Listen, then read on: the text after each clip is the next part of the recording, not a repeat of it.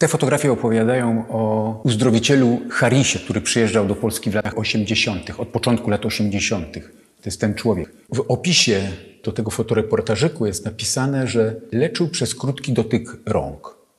Leczył jest zawarte w cudzysłowie. Myślę, że zupełnie niepotrzebnie. Bo skoro jest dalej napisane, że na początku lat 80., nieprecyzyjnie to napisane, ale półtora miliona ludzi, półtora miliona ludzi uwierzyło mu i przyszło do niego na spotkanie, żeby ich poleczył. Dlaczego aż tyle ludzi? To dlatego, że prawdopodobnie niektórym ludziom pomaga. Z całą pewnością niektórym ludziom pomaga, na pewno bardzo wielu, tego jestem pewien, nie pomógł, bo cudów to on nie potrafi robić, ale jednak one się zdarzają, te cudy. Dlaczego nie mogłem przejść koło tego fotoreportażu i nie opowiedzieć? Teraz napisałem książkę o syberyjskich szamanach. Zatytułowaną Szamańska choroba. I to jest jakby ten sam mechanizm uzdrowiciela Harisa i tego, co robią szamani. Przecież zobaczcie na te tłumy. Przecież to nie są głupi ludzie. Oni tu z jakiegoś powodu przyszli. Współczesna służba zdrowia nie jest w stanie im pomóc. Współczesna medycyna. Przychodzą, bo czekają i liczą na cud. I wierzę głęboko, że często ten cud się zdarzał. Na pewno się zdarzał, skoro ci ludzie do niego przychodzą. Przecież rynek kogoś takiego jak Harris by zweryfikował.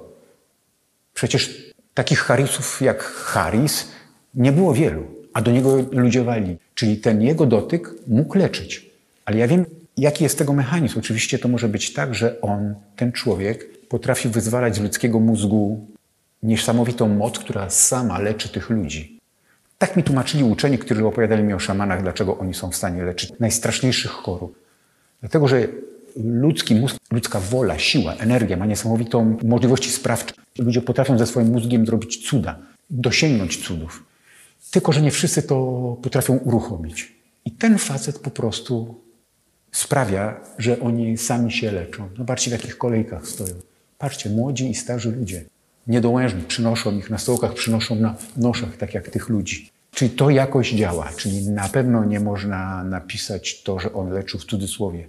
On po prostu nie każdemu był w stanie pomóc, tak jak każdy inny lekarz na świecie. To w zasadzie tyle chciałem pokazać na tej wystawie i podziękować za wspólne obejrzenie tej wystawy w Domu Spotkań z Historią w Warszawie.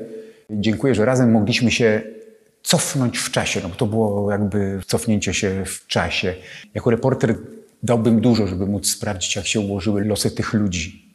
Zobaczcie, to są nasi rodacy. Zobaczcie, jakie tu czapki są. To są głównie moherowe berety, chustki, futrzane czapki, a to są lata 80.